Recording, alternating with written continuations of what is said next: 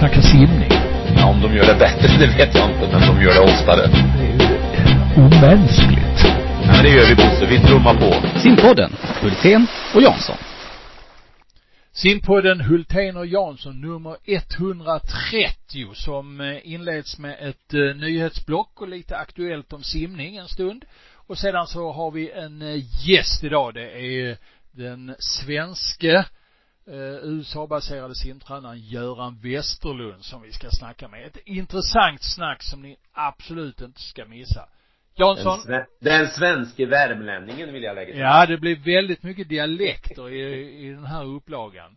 Ja. Med värmländska och skånska och sånt. Så det blir Ja. väldigt, eh, det gäller att spetsa örat.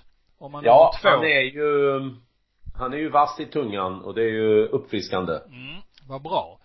Du, eh, till helgen så ska du och jag jobba tillsammans med eh, Eurosport-sändningar på söndag då vi ska sända ISL, International Swimming League, som kör sin tredje match nu med fyra nya lag.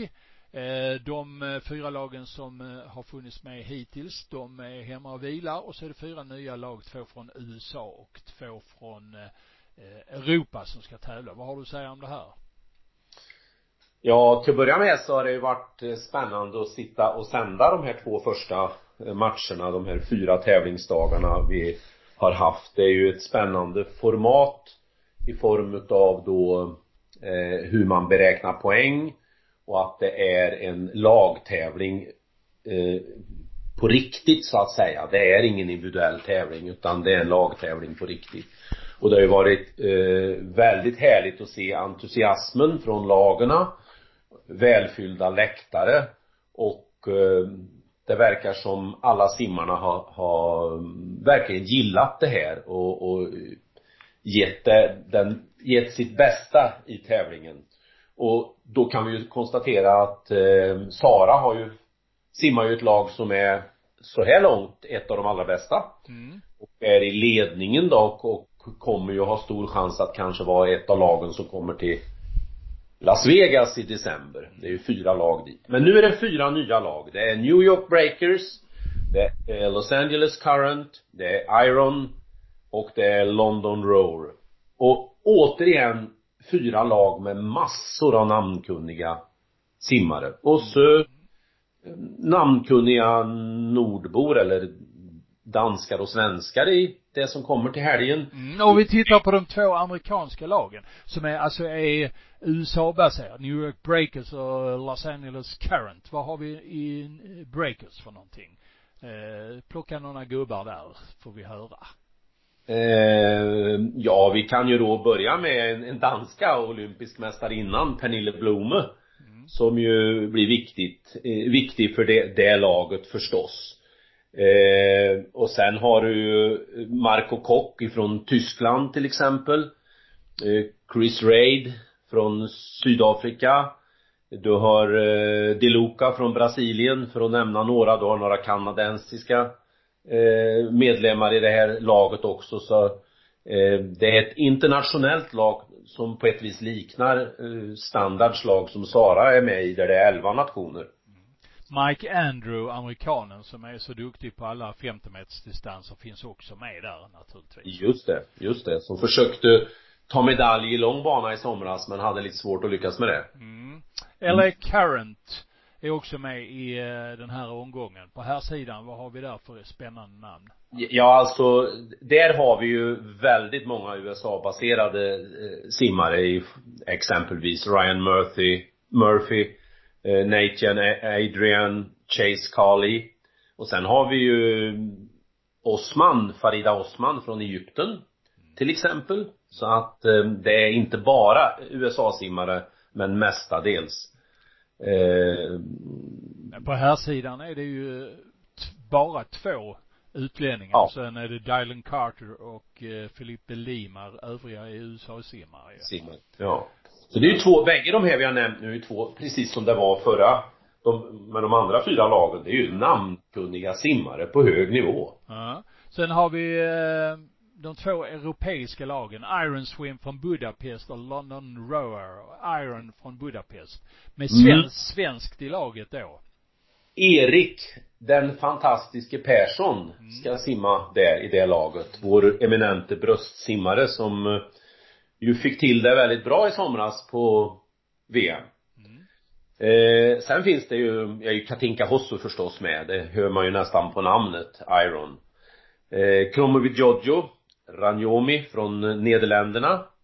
Vi har Mie Nilsen som ju är en duktig dansk ryggsimmerska. Eh, Morozov är med, som ju har simmat väldigt bra på världscupen i höst, till exempel. Och Henrik Christiansen, intressant norrman. Ja. Vär, världsettan på medley Jeremy Despens Ja. från Schweiz Ja. och så vidare och så vidare. Mm. Ja, som ni hör, liksom det är grädden utav simningen i nästan i, i världen. Fast den allra bästa simmaren av alla här finns ju i London Rower. Adam Peaty. Ja, du tänker på din bröstsimskompis där. Ja.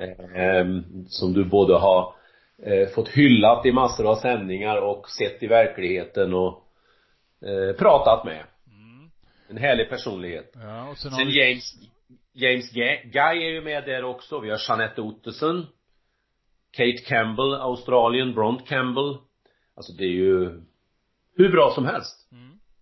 Och då är det så att eh, lördagstävlingen den sänds i efterhand klockan 8.30 på söndag. Så ni kan vakna med simning till frukost. Eh, Mm. på Eurosport 2. Och sedan så sänds eh, eh, den sena tävlingen klockan, när är det? Eh, Det var 21 till 23. 21 till 23, just det, på söndag Ja. kväll. Mm.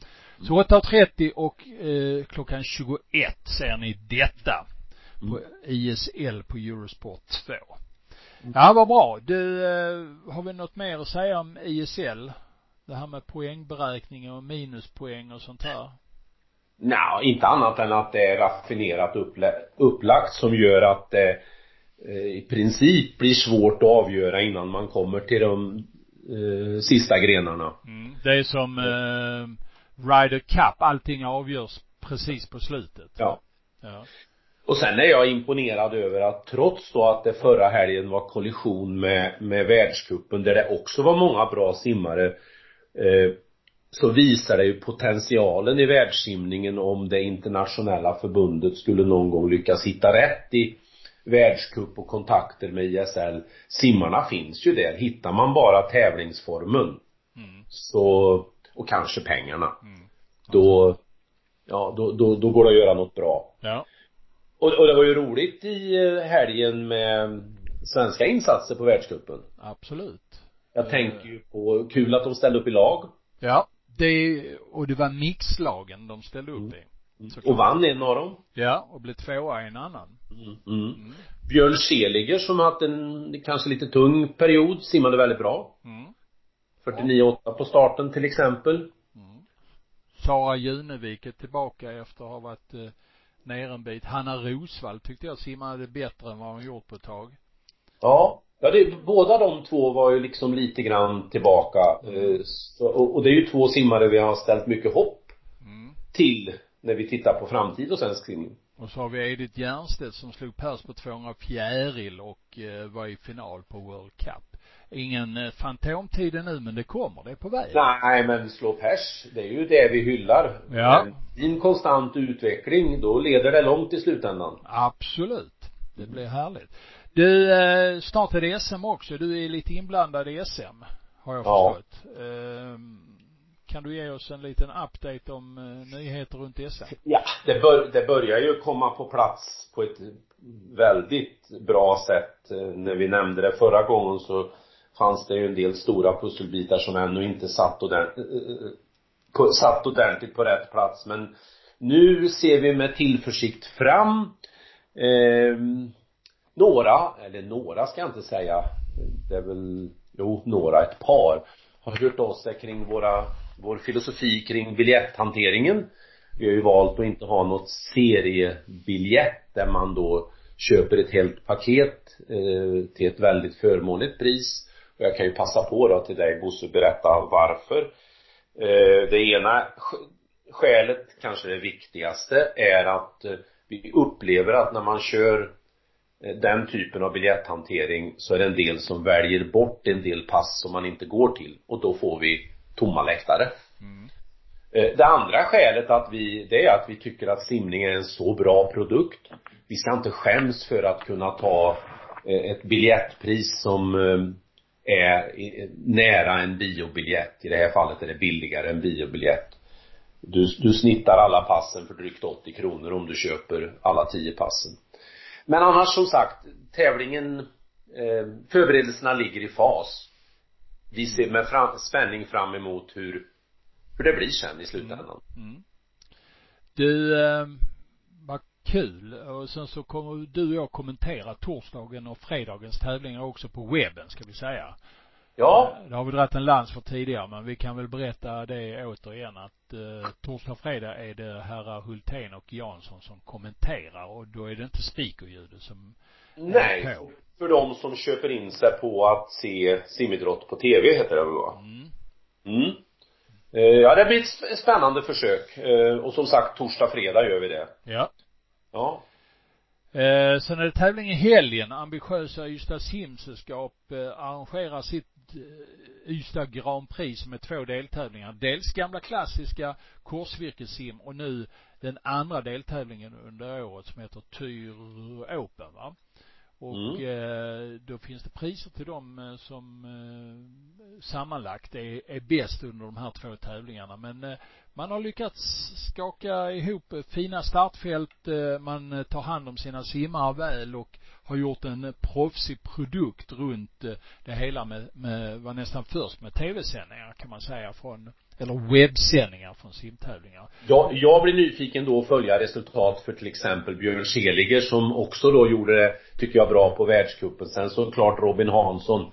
Men det är ju namnkunnigt här värre. Adam Paulsson, eh, Sara Junevik från Norge kommer Marte Löfberg. Och sen intressant med comebackande Ida Marko Varga. Och här möter hon ju till exempel Hanna Eriksson som är en av konkurrenterna om den här fjärde platsen till ett 4 gånger 100 lag. Mm. Ja, det blir kul. Ja.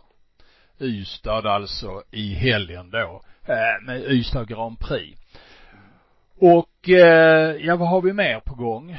Ja, men jag har något tråkigt då, fast en, på ett vis ändå inte förvånande, så har vi ett eh, amerikanskt dopingfall. Mm. En, en OS-guldmedaljör i lagkapp. Connor Dwyer Just det. Ja. Och fast och um, med tanke på det här som har varit i friidrotten och uh, en del uh, också amerikans, amerikaner inblandade så ja, det här med doping är en uh, följetong som det inte verkar finnas ett slut på. Nej, så är det nog. Men ska jag ta något trevligt? Så ja, gör det. Ja, Alltså jag har ju upplevt under en tre, tre år en känsla av att vi är på väg åt fel håll. Eh, svensk simning har, kan, kan gå en dyster framtid till mötes. Men nu i höst här så någonstans så har jag börjat sett på det med eh, hoppets ögon. Eh, och då inte bara eh, de här vi nämnde, Björn Seliger och Sara och Hanna Rosvall som verkar hitta tillbaka. Eh, Ida har vi, Ida Marco Varga har vi nämnt som då fångar upp en boll utan Ja, det kanske ändå finns lite korn så det ska bli kul när vi summerar höstens tävlingar om det är så vi uttrycker oss fram i december också. Mm. Du ser det berömda ljuset i tunneln och hoppas att det inte är tåget. Nej, precis. Ja men vad bra Jansson. Eh, alldeles strax. Nu släpper vi in Westerlund tycker jag. Ja, han kommer här alldeles strax. Eh, Göran Westerlund, eh, för detta simmare från Karlstad, för detta simtränare i Karlstad, eh, simtränare i San Clemente, Kalifornien och alldeles strax så kommer han livslevande här i eh, simpodden Hultén och Jansson. Eh, men först en liten kort paus. Nu ska vi snacka simning. Ja, om de gör det bättre, det vet jag inte, men de gör det oftare. Det är omänskligt. Ja, det gör vi Bosse. Vi trummar på. Simpodden, Hultén och Jansson. Ja, simpodden Hultén och Jansson. Vilken i ordningen är det här Jansson? 130 1980. Oj, herregud. Jonte. Ja. Yes. Det är Yes. nästan eh, dubbelt så många år som du har levat på denna jord. Eh, vad bra. Eh, Ja, det är ju ett perspektiv. det- Eh, och så- snart kommer vi ikapp dig också. Mm, det aldrig. Men du, eh, vi har en gäst med idag. Eh, Göran Westerlund, varmt välkommen till simpodden. Tack ska ni ha. Ja. En värmlänning, Bosse. Ja. Jag sitter här och blir alldeles varm i hjärtat och njuter. Ja.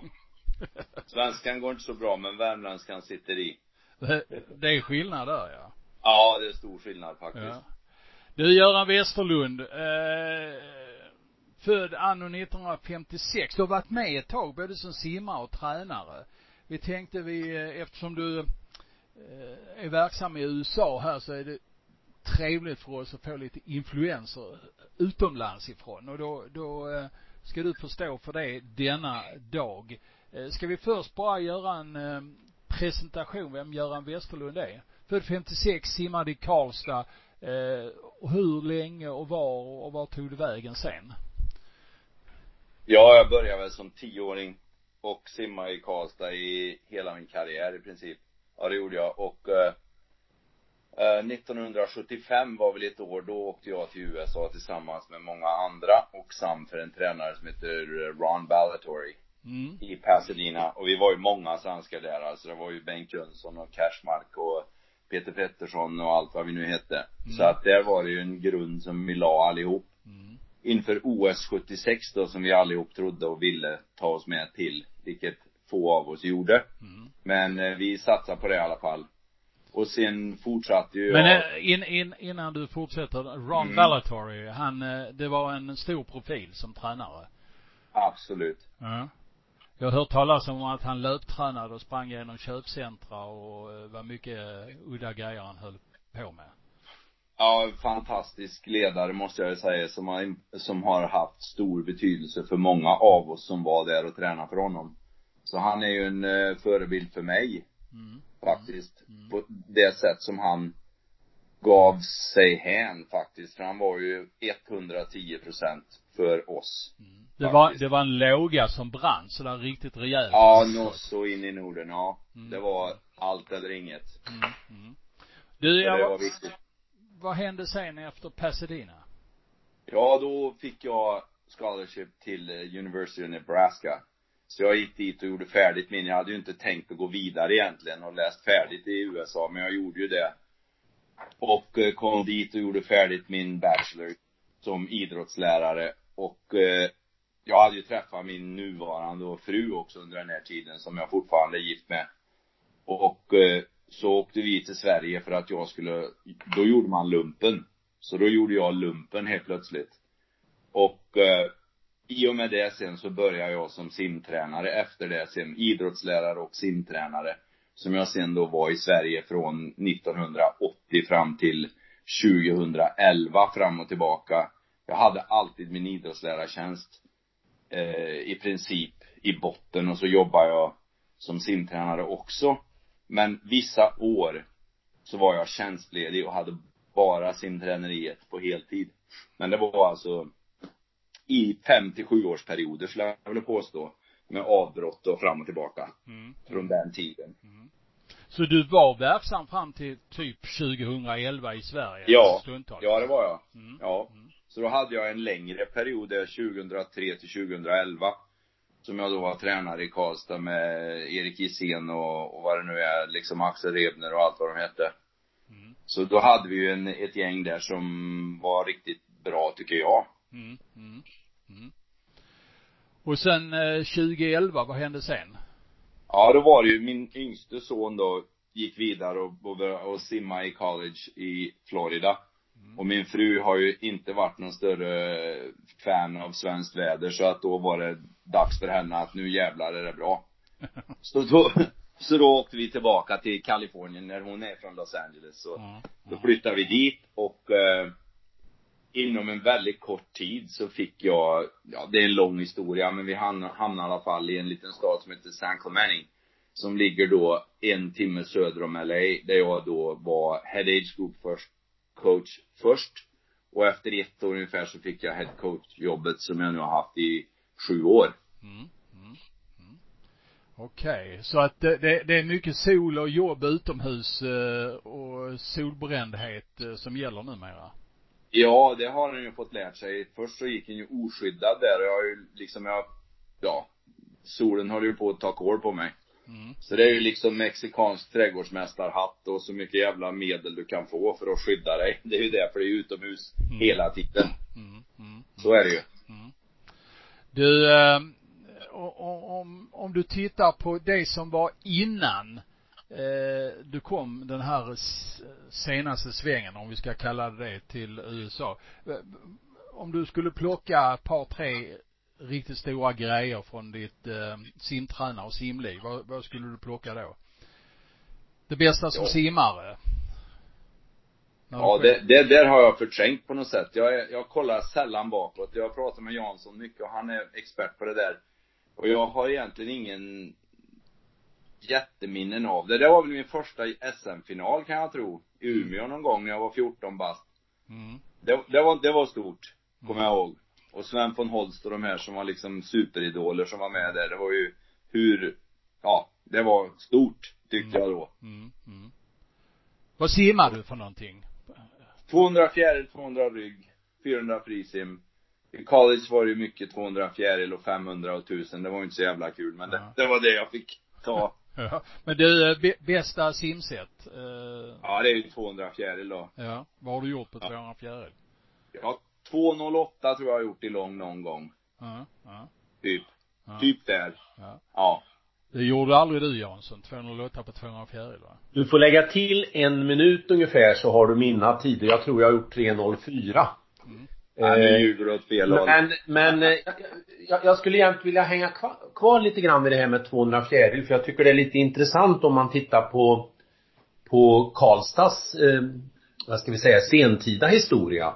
Att eh, eh, det fanns ju en eh, duktig fjärilsimmare före eh, Göran och det var ju Leif Svärd som sedermera blev, var läkare och eh, var med fotbollslandslaget. Han var ju duktig på 200 fjäril och tog SM-medaljer. Så följdes han upp av Lars Lindeberg som också var duktig fjärilsimmare och just 200 fjäril. Jag tror Lars var fyra som bäst på SM. Och sen så kom du Göran och sen eh, efter dig så kom din bror Stefan. Varför blev det som 200 fjäril i Karlstad? Jag tror människan är ett flockdjur. Jag är ganska övertygad om det. Vilket innebär, har stor betydelse i all träning som du gör egentligen. Alltså om min kompis gör det och gör det bra, då vill jag vara bättre än honom. Eller jag ligger bredvid honom och gör samma sak, i princip. Och det är ju det som är en drivkraft som jag tror är, har stor betydelse i allt vi gör. Men Det ni simmar ju på ganska hög nivå även med dagens mått mätt på 200 fjäril. Om vi tittar på SM-nivå. Redan Ja. för 40 år sedan. Jo men alltså det är ju en konstant. Om du kollar bakåt så ser 2.10 på 200 fjäril, gör du det lång, då är du i final. Om det är 75 eller 2005 eller 2025. Men det Så borde ganska kanske inte vara så. matematik. Nej, Ja. men det är ett litet land och det är en jävla, ja, det är inte så, det, det är så det ser ut i alla fall. Du, eh, om, om, om vi nu hoppar från det där, eh, den där SM-finalen i Umeå eh, och går över och tittar på din eh, tränarkarriär innan 2011. Vad, vad vill du plocka ut för eh, höjdare där? Ja, det kan väl vara Nisse Lidberg var väl först och sen var det Stefan, brorsan och sen, eh, och det var ju liksom, Nisse var ju då supersprinter blev ju han till slut där och hade svenskt rekord på 50 frisim. Det var ju kul. Länge. Nils, sen- Li- Nils Lidberg som eh, var född 62 som kom från Limhamns simsällskap.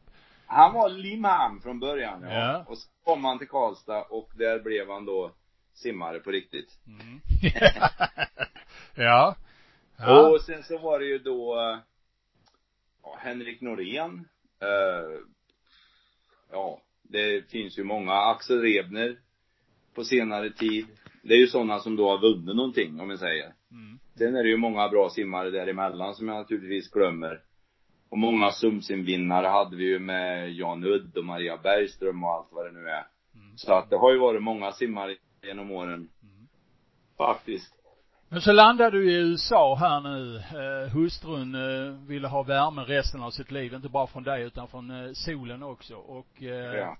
eh, berätta om tiden där. Först ett år som head coach för age group simningen i San Clemente och sen blev du head coach. Eh, vad är din roll där och vad, hur ser organisationen ut och vad är egentligen simklubbar i eh, USA idag? Vi kan ju mest Eh, det här- eller kan och kan, men eh, vi är mest bekanta med college-simningen. Hur, hur funkar en simklubb i USA? Ja, det är ju alltså sim, amerikansk simning får du ju ofta en generell fråga. Hur är den? Ja, det beror ju på vad du kollar på, precis som du säger Bosse. Det är ju då, först har du då klubbsimning som då jag är tränare i och är head coach och driver. Sen finns det då eh, high school simning som då är gymnasiesimning. Och sen har du då universitetssimning eller college swimming och det är ju det vi ser på mest för det är ju då folk åker dit. Och sen på det så har du då postgrad-program som då är eh, efter du har gått ur dina fyra år på universitet så är det ju många som fortsätter som proffs. Det är ju det vi ser våra ISL-simmare nu. De är ju då sådana som är i postgrad-program i till exempel eh, USC finns det ju en då, ja det finns fyra, fem, sex stycken i USA som då, där folk fortsätter efter sin collegekarriär. Men det jag jobbar med då, det är ju då eh, klubbsimning och då har jag simmarna från där de är, ja tidigast, absolut tidigast, det är ju sex år fram till 18. Då går de, då har ju jag ett program då som, där du går igenom Eh, min filosofi, vad man kan säga, ända fram tills dess att du ska vidare till universitet. Och det har ju väldigt stor betydelse för att att ta sig in på ett universitet idag är inte lätt. Och då är simningen en slags biljett för dig att hamna i rätt hög hos administrationen på den, det universitet där du vill in. Så det har stor betydelse vad du gör för någonting. Och där är jag då den redskapet för folk att ta sig in där. Och eh, high school simningen, det är ju det här som är lite tungt som jag ser det, som är en eh, kontrollfreak när det gäller simträning i alla fall. Och det är ju då från januari till maj, då är det high school simning parallellt. Vilket innebär att då har de två tävlingar i veckan. De tränar tillsammans en, eh, under skoltid. Där de då har simträning. Och så är de fortfarande i min klubb. Så det har ju tagit mig något år och övertyga någon eh, historielärare att de har bättre förutsättningar att tävla och träna hos mig än att gå och lalla runt med 120 stycken som det är i ett high school-lag. Och, och liksom det har du, det får du jobba fram med då gymnasieskolorna hur det ska gå till och där får du vara ganska så diplomatisk ibland och hård ibland. Och eh, som mitt, min eh, senior group då som är 28 simmare som jag tränar själv. De har då, de representerar fem olika gymnasieskolor. Så då är det liksom fem olika typ historielärare som jag då ska liksom övertyga om att det här är jävligt bra att de tränar med mig nu så får de tävla bäst de vill med dig. Och sen det är ju det som sen har bärighet. Om du går in och kollar på Victor Johansson eller Louise Hansson på deras roster på USC så ser du ju vad, alltså hemmaklubb, då står det liksom Kalle Johanssons gymnasium i Nässjö. Det står ju inte liksom att han, vilken klubb han simmar för utan det är high schoolen som står. Mm. Och det är ju det här nu då som är ganska så, ja, det är irri- irriterande tycker jag. Det, det är det enda, men, men det, det funkar bra alltså. För barnen, för simmarna är det ju jävligt kul alltså. Helt plötsligt så är det någon som bryr sig på skolan vad du gör. Och du får liksom visa upp vad bra du är på någonting. Och det är ju en drivkraft som är väldigt stark. Så att det är ju den, det är ju det segmentet i en karriär som jag då står för. Sen går de då vidare och förr var det ju så att en college-simmare, han åkte ju hem över sommaren och tränade med mig, typ klubben då. Men idag är det så pass tufft så att många skolor säger nej, du får vara kvar här och träna med oss, vi släpper dig inte. Så att det ser jag som en nackdel, men ja. Svenskar åker ju hem ändå, de skiter ju i det där. Ja. Du, alltså rent organisatoriskt, den här simklubben, är den privatägd eller vem, vem styr eh, simklubbarna? Ja, då är det ju så här, det finns ju olika varianter av det. Då finns det då coachägd som du sa. Då äger ju tränaren klubben. Sen finns det då en som är, som jag är i då, det är ju en styrelse som man har i Sverige och så är det då en non-profit organisation. Så att det är ju som en styrelse och jag är som en VD skulle jag vilja påstå. Så jag gör ju all budget, jag, jag sköter all anställning. Allt går ju genom mig. Och sen så har du också då eh, Eh, det är alltså coachägd den och sen så har du någon annan variant där också där du har då for profit men det är ändå en styrelse. Så att det har ju lite betydelse på hur, jag är ju då partner med stan, alltså San Clemente så, så som stad och har kontrakt med dem som jag då måste följa. Jag får inte ha till exempel simundervisning i mitt kontrakt. Så att det finns en massa regler på olika ställen här, ja. Mm. Hur stort upptagningsområde har du ungefär befolkningsmässigt till din klubb och om du skulle jämföra din klubb med någon svensk klubb nivåmässigt, har du, går det att göra det på något vis? Ja, det går ju för att den här, nu är det ju en, som jag säger då, det är ju, jag hyr ju av stan, hyr jag tio banor varje dag från halv fyra till sju. Och jag får jag måste ha 96 procent av mina simmare måste vara från staden San Clemente. Och den är på, säg att det är 100 000.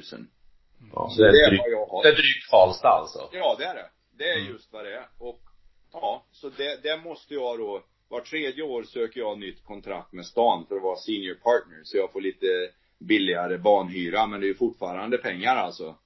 Och då måste jag visa upp att jag har minst 300 simmare, jag måste visa vart de bor.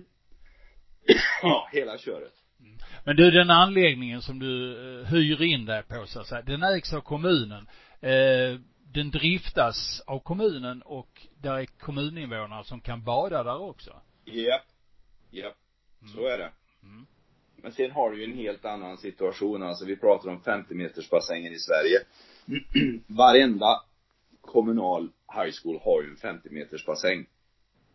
Alla har det. Mm. Simning är ju stort men vattenpolo är ju ännu större så vi kämpar ju mot dem typ. Mm. Det finns ju alltid konkurrens med vattenpolo om bassängtid. Men där är jag ganska lyckligt lottad då.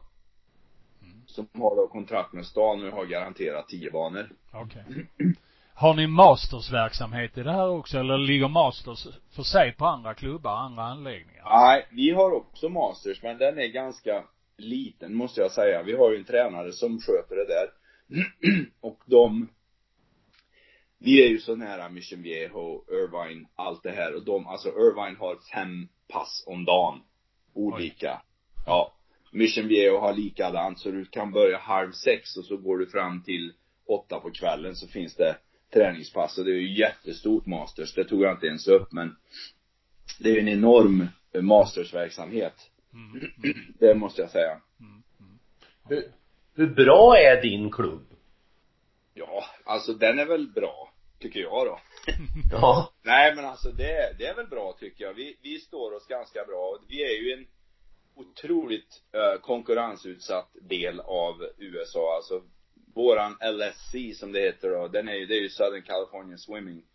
Och det är ju, ja, 28 000 simmare. Och då räknar vi ju inte high school simmare.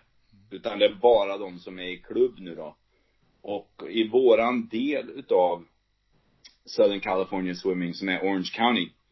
Där är det då 8000 simmare. Så när vi har typ sumsim då som vi, det är ju, ja, det är ju, vi har ju motsvarande sumsim kan man säga. Då är det ju 1200 simmare i tre olika ställen som kör parallellt. Och där står vi oss ju ganska bra tycker jag. Vi har ju, vi har ju, ja, men det är ju som sagt var, jag, jag har dem till 18, sen är de borta liksom. Mm. Så våra klubbrekord är ju då ifrån 2000, i princip när jag började, för då var ju bassängen nybyggd. Så det är ju därifrån vi, vi kommer, så vi har ju Alltså, ja, 200 fjäril då som vi pratade om, det har jag en på 202, 204, 208, 210. Eh, allt ifrån 18 år ner till 14 på killsidan och tjej 221. Eh, ja. Typ, där ligger vi. 100 frisim har vi rekord på 51-0. Jag kollade upp det här nämligen innan vi hade det här för det är intressant kanske. 51-0 på 100 frisim, 57,5 100 rygg, 2.06 200 rygg herrar. Ja. Eh, 400 frisim damer, 4.23. Eh, henne blev jag av med förresten till Michemier och i och med att eh, jag åkte på och blev tjänstledig här så då, då händer det grejer alltså där det finns för mycket klubbar. Mm, mm. Ja. Så att ja, det är vi. Men, men lite perspektiv här är ju att vi har 11 000 licensierade simmare i Sverige. Mm. Ja. Ja.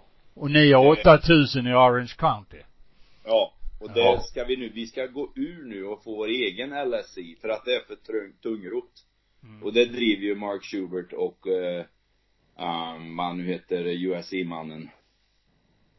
Ja, precis. Salo, Dave Salo. Eh, Dave Saylor, ja just det. Ja, de driver, Salo äger ju Nova. Så att han, det är ju en, han äger ju den själv. Men du, eh, eh, du säger här nu att ni har typ motsvarande sumsim och, och då tävlar ni alltså i, i, i området eh, i Southern California. Eh, och är det den högsta nivån för tävlingar för ungdomssimmare i USA? Eller kan man gå vidare också? Finns det något nationellt tävlingssystem? Absolut, och då har du ju, alltså det som vi har missat som jag tycker, det kanske vi kommer in på sen, det är ju att strukturen finns ju hela tiden för hur du ska gå vidare till olika nivåer. För det är alltså på ungdomssidan då, när du börjar, då är du inga tider i någonting, då är du white. Sen så får du röd kvaltid, sen får du blå kvaltid och sen så kommer du upp och får då Junior Olympic time cut. Det är ju den. Sen när du har gjort det, då är det ju folk som då, precis som från Sundsvall som kvalar in direkt till Junior Nationals. Och sen, det är ju då det. Sen finns det ju invites naturligtvis, precis som i Sverige. Men om du Men- tittar på Junior Nationals, vad, vad är eh, yngsta klassen där? Ja, det är ju, då är det ju ingen åldersgrupp. Ja, det är alltså 18 år och yngre. Okej. Då är det 18 år och yngre, precis som JSM. Mm. Fastän vi har 20 då, men där är 18 år. Så alla high school snubbar, mitt, min högsta tävling då, det är alltså Junior Nationals. Okej. För då är de 18. Mm. Mm. Och det är ju väldigt tufft att ta sig dit faktiskt. Och då är det ju, sommar är ju ännu värre. Då är kvaltiden ännu tuffare. För då är det en Junior Nationals. På vintern kör de med East och West. Så de kör två. Så kvaltiderna till vinter Junior Nationals är ju lättare. Är Kalifornien det största simdistriktet i eh, amerikansk simning? Ja, det är det. Staten. Ja, det är det väl. Det är, det är ju flest simmare, helt klart. Det är det. Sen är det ju mycket annat som händer också. Men, eh, nej, ja det är störst. Ja men vad bra. Eh, Jansson, känns det som vi har fått någon struktur och känsla för vad, vad den här herrn sysslar med nu, tycker du? Ja, lite grann eh, såklart. Eh, Eller mycket på ett vis. Vi, vi är ju ofta och pratar om att USA är ett stort land och många stater och, och jag vill ju gärna göra det lite till jämförelse med Europa om man tittar på folkmängd och antal bassänger och träningsställen och så vidare och, och det här bekräftar ju den oerhörda konkurrens som är där borta. Men och då skulle jag vilja koppla över lite grann om man är lite generalistiska funderingar när du betraktar eh, svensk simning och då har all den här kunskapen från amerikansk simning. Vad, vad är det du tycker är de fundamentala skillnaderna eller bristerna eller fördelarna med svensk simning? Och allt det där ska vi snacka om, om en liten, liten stund.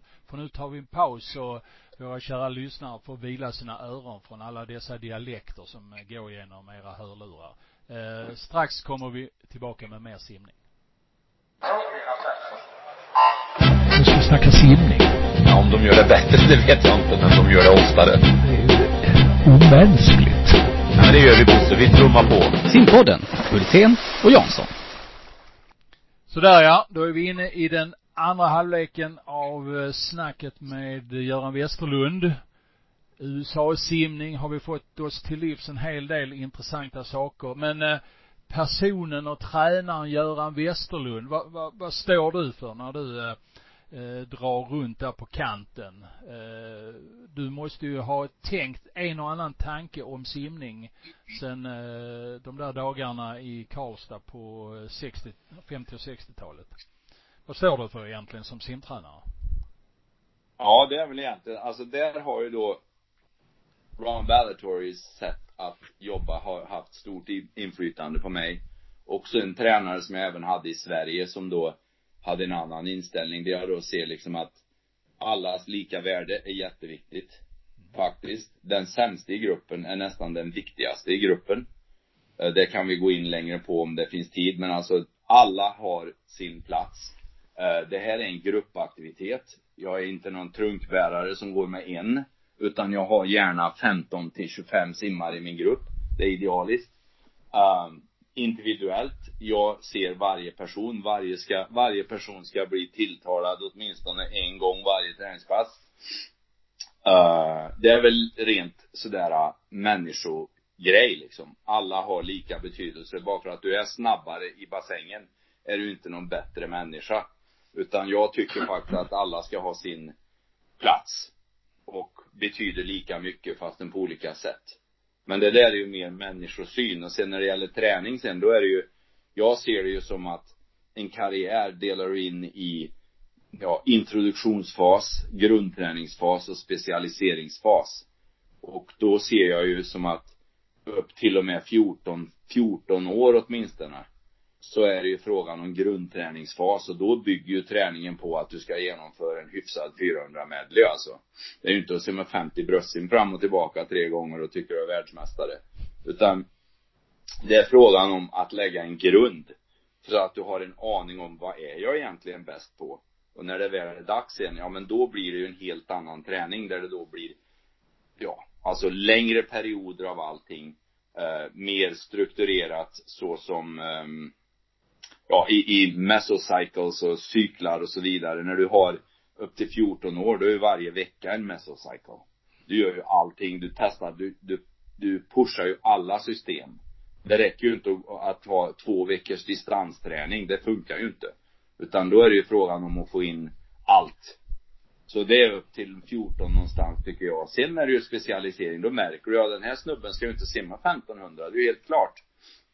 Då blir det olika träningspass naturligtvis beroende på vem du är. Och där är ju jag med min senior group. Men jag tränar ju också den gruppen under, så jag tränar ju egentligen klubbens 50 bästa simmare själv. Mm. Så jag har ju, det är ju en stegring, progression är jätteviktigt. Och inte hoppa över några steg för att du lyckas vara jättebra på 100 frisim när du är 13. Alltså, du måste igenom stegen, för annars får du ta steg tillbaka. Och det är aldrig kul. Och det är otroligt svårt att motivera för en simmare att nu helt plötsligt så ska vi göra det här. Som du skulle ha kunnat egentligen när du var 12. Du, du sa att du tränar 50 simmare vid sidan av din senior group själv. Ja. Menar du själv? Ja, det menar jag. Mm. Ja. Mm. Och det kräver ju, det kräver ju mycket.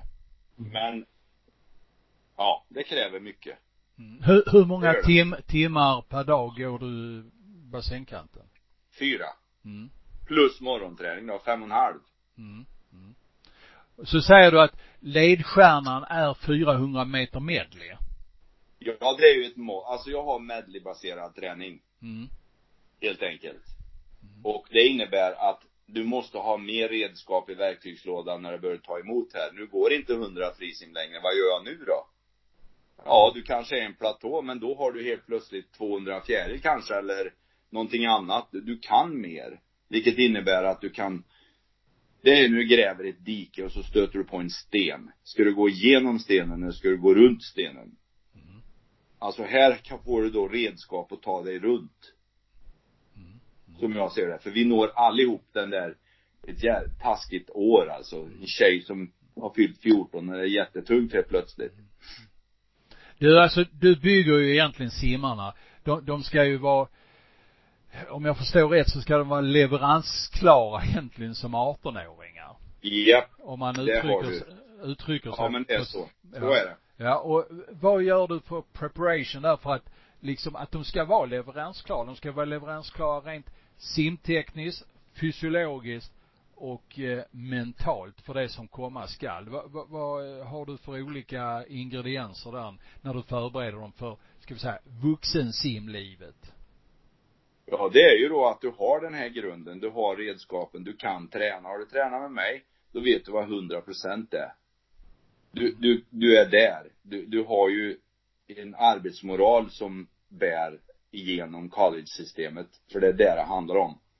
Du vet vad som innebär att är det 5.30 på morgon, morgonträning, då är du där 5.30 och i vattnet 5.30. Det är ju såna här grejer som låter som det vore lumpen, men sådana här saker är jätteviktiga. Och vara en, lag, en lagspelare, inga jätteegon, ja. Att vara en bra lagmedlem helt enkelt. Och det tycker jag jag lyckas ganska bra med. När, när du, ja du säger att du, du har lyckats bra, men när du ser, ska vi säga den, den oslipade diamanten eh, som kommer till dig, är de, är de närmare målet, var de närmare det målet som du vill ha med, med, med, med ordning och reda eh, förr än vad de är idag? Det vill säga, har det blivit slappare idag på något sätt? Nej. Nej. Inte? Nej. Nej. Jag tycker att, alltså, skillnaden om vi ska ta, dra en parallell med Sverige, det är ju att pressen är ju jäkligt hård på de här idag. Alltså, att hitta sitt college och helst ska du ju ha universitetskurser när du går i, i gymnasiet. Det ska du ha Ska du ta dig in på Stanford till exempel, det är ju ta mig fan omöjligt. Du ska ju vara konsertviolinist, eh, olympisk simmare och 5,0 i betyg, alltså det räcker ju knappt det. Så att pressen är ju enorm alltså. Mm. Och där är jag faktiskt lite motvikt. För det är ju, jag hör ju många liksom Orange County Housewives som liksom, ja min dotter måste ha det här och det här för att hon ska liksom eh, get ahead. Och det är liksom, jaha vad, vad fan ska du get ahead av? Mm. Alltså i en karriär idag, det vet vi allihop. Du byter jobb tio gånger, går tillbaka till skolan och vad det nu är. Så att pressen är onödigt hård tycker jag. Från många håll. Mm. Mm. mm. Ja men det är härligt att höra. Eh, när du, när du släpper dem i, i det läget så att säga, när, när de är klara eh, och ska in på college, eh, eh, kommer de tillbaka då vid, vid något tillfälle? Eller är det, är det då liksom hello and goodbye, ses vi aldrig mer eller? Hur funkar det? Nej men det, det, det, det är olika beroende på som det har varit nu så kommer de ju tillbaka vid jul och så tränar de med mig och under sommaren så tränar de med mig. Så att de kommer ju tillbaka, ja. Men mm. sen är det ju livet för dem på olika ställen liksom. Den, den bästa simmaren jag hade nu senast där, ja då är han, ja då är han mormon, så nu är han ute på någon sån här grej i Ukraina eller vad han är. Och mm. kommer tillbaka i sommar nu då, då kör han med mig igen. Så att det är ju inte liksom någon, alla följer ju långt ifrån samma mall här. Mm, mm, mm, mm. Ja, vad intressant. Du, eh, Jansson, har du mer frågor här nu innan vi börjar slira in på eh, synen på svensk simning? Nej, men det passar väl bra att vi gör det nu, ja. jag, utifrån de uh, grejer som Göran levererar här så är det ju till stora delar mycket som skiljer hur det arbetas i Sverige runt om i klubbarna. Jag fastnade framförallt för det här ensam och 50 simmare vid sidan utav huvudgruppen. Det tycker jag var en, en spännande... Ja, det är, med, det är med huvudgruppen. Det är med huvudgruppen. Ja, det är med huvudgruppen. Så det är 50 som jag en, har ansvar Men ändå. Det är väldigt många simmare. Ja, det är det. Mm. det är. Men det, du, eh, alltså efter nu en lång erfarenhet, det måste man ju tillskriva dig naturligtvis. Eh, som simmar, tränar i USA, tränar i, i Sverige. Så följer du svensk simning eh, sådär så du, du har en känsla för eh, lite mer än ytan, eller hur är det idag? Jag följer i princip allt, skulle jag vilja påstå. Mm. Alltså jag, jag ligger ju, jag kollar live timing, jag kollar resultat. Så det är intressant för mig. Jag mm. tycker det är jätteintressant att se. Mm. Och nu, och nu är jag ju, i och med att jag kom hem här nu då och är tjänstledig i ett halvår för att liksom familjegrejer här nu. Då försvann ju vår huvudtränare och, som också då är, som heter Matilda. Mm. Hon försvann för att vara tjänstledig fram till mars eller vad det var. Så nu är jag ju inblandad i Karlstad igen. Men då delar jag detta med Cherie Rydal, så vi har det här tillsammans. Och nu drar det ihop sig här. Nu har jag tränat de här i åtta veckor och nu är det ju då Sumsim här, Sumsim region. Mm. Och så kommer det då ut, vad det nu heter, eh, ja, vad heter det, åldersgrupper, åldersgrupper 13 år och yngre, 14 mm. år, 15, 16.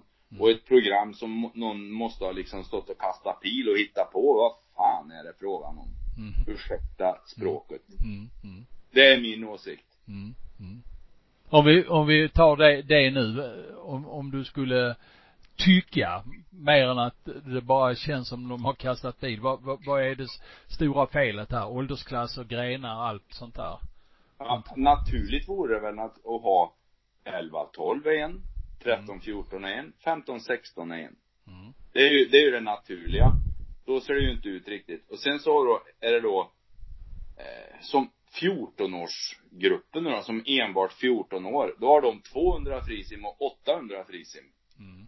Och sen har de då 200 av allting utom fjäril. För det var svårt tydligen. Mm. Mm. Alltså, jaha. Jag förstår ingenting. Nej, okej. Okay. Nej. Nej. Va, hur, hur i hela friden, varför finns inte 400 till exempel? Och varför finns inte 100 frisim helt plötsligt? Alltså, det måste ju vara fullt program. Som jag ser det. Och tar det då en dag till så må det väl vara hänt. Vi måste ju ta upp tid. Vi måste ju ta folks tid. Mm. Du kan säga liksom, man gör det här samtidigt som det är på semester i Sälen. Det går ju inte. Nej, utan det, det tycker jag är fel. Om vi tar ett, om, om vi tar ett steg utanför Sumsim nu och så, så, så tittar du med, med dina intresserade och eh, lite kritiska ögon på svensk simning sådär lite generellt. Eh, är det bra eller dåligt? Hur tycker du liksom att det känns jämfört med när du har varit som mest verksam i Sverige tidigare? Ja, som sagt var, jag har ju inte stått på kanten utan jag ser resultat och mm. Det här är ju någonting som jag jobbar ihop med en som heter Bosse som var, som var eh, ordförande i Värmlands simförbund. Jag kommer inte ihåg vad han hette i efternamn. Men han var en ytterst Ja, Bosse Almqvist. Han var ju ordförande när jag slutade 2011 och vi kämpade som djur för att liksom få bort den här eh, regionalgrejen som blev. Alltså DM helt plötsligt ska gå för Värmland i Västerås och det är kvaltider. Och alltså strukturen på simningen har ju förstörts. För som jag ser det så har du Sumsim. Det är slut. Jaha, JSM, det är ett stort steg för många. Det är ett stort steg. Det ska vara ett stort steg. Ja, då har du DM sen. På DM som går tre veckor innan ett mästerskap som det borde och gjorde förr i alla fall. Då har du folk som ska kvala där för att ta sig vidare till SM eller JSM. Och de är ju oftast to eh, toppade och rakade då och har chans att vinna ett mästerskap. Och de som redan är kvalade får stryk för de är inte, alltså där har du det som, och det ser jag inte idag. Och det, om det vore så, då har jag kollat liksom då, om du ser regionen Stockholm som då är Sveriges, eh, en av de största, Skåne är väl större, där det funkar på ett annat sätt. Så liksom 200 fjäril damer i Stockholm, fyra startande. Är det fyra stycken? Är det allt det som är intresserad av att kvala till SM eller? Förlåt om jag har fel logik, men jag ser, det, det ser ju inte bra ut. Mm. Jag tycker inte det. 1500 frisim, var det då sex eller fem? Ja. Ja, ja, ja, det finns ju ingen struktur och logik i det som jag ser det. Vart ska de kvala någonstans nu då? För kvaltider måste man ju ha. Om det ska bli någon status på det. Mm. För det, alltså, då är det ju röster som säger liksom att vi ska inte ha några kvaltider. Ja, men det, nej till DM ska vi inte ha några kvaltider, tycker jag inte. Men där har du ju möjligheten och så vinner du någonting om du gör något bra. Mm. Det, den strukturen har ju försvunnit och som jag ser var en eh, grej som en kunde hänga upp sin, sin planering på. Man ser ju, man ser ju det du beskriver även på SD-nivå när det gäller startfält och så vidare, att de är väldigt eh, tunna när du kommer till vissa distanser, till exempel 200 fjäril eller längre frisim. vart någonstans på vägen tror du det försvann att eh, det inte är intressant? För det är klart att du kan ju se det här i väldigt många regioner att det är få som ställer upp på den här gre de här grenarna. Är det, är det tränarna eller är det strukturen eller jag tror det är mycket, jag tror det har mycket i strukturen att göra alltså för att vi var, jag var även med på något Vadköpingsdopp, heter det väl. Och ja, då fanns inte 800 frisen för de tjejerna som jag har som är då 14. Eh, eh, då togs det bort av någon anledning och om du ska då helt, det blir ju så stort helt plötsligt. Oj, 800, det är ju jättesvårt. Det är det väl inte, du ligger ju fram och tillbaka 5000 om dagen minst. Det, det, det är ju inget märkvärdigt. Men det blir ju märkvärdigt om du inte någonsin får möjligheten att utföra det och så förlorar vi en hel, en hel eh, ett helt gäng av folk som kanske är bra på det där som då får tävla på 50 bröstsim istället. Ja, och den grenen 800 finns sen på Sundsim som inte fanns på ja. Vadköping. Ja. Då hänger det inte ihop menar du? Nej, det hänger inte ihop. Och då är det stru strukturellt fel eftersom ja, jag tror att det är så att tävlingsarrangörerna, de försöker få in så mycket kortlopp som möjligt som genererar så mycket pengar som möjligt på tävlingarna. Och det är mycket av den bärande strukturen i, i svensk tävlingsupplägg. Det är liksom att komprimera verksamheten så. 8 och 1500, det eh, tar för lång tid. Ja. Ja, det gör väl det. Mm. Och ja, det, det kan ju då ta ett sånt beslut. Det är väl bra, kanske. Jag tycker ju inte det, men jag tycker ju inte det. Nej. Alltså träningen, alltså då, då styrs ju också träningen utav det här. Mm. Om du håller på att träna för, som jag säger nu då, 400 medley under du är 14 år. Och så har du då möjlighet, du är jättebra här. Men det mäts ju inte. Det är ju liksom som att hålla på och hoppa stav och så mäter vi kulstötning. Mm. Mm.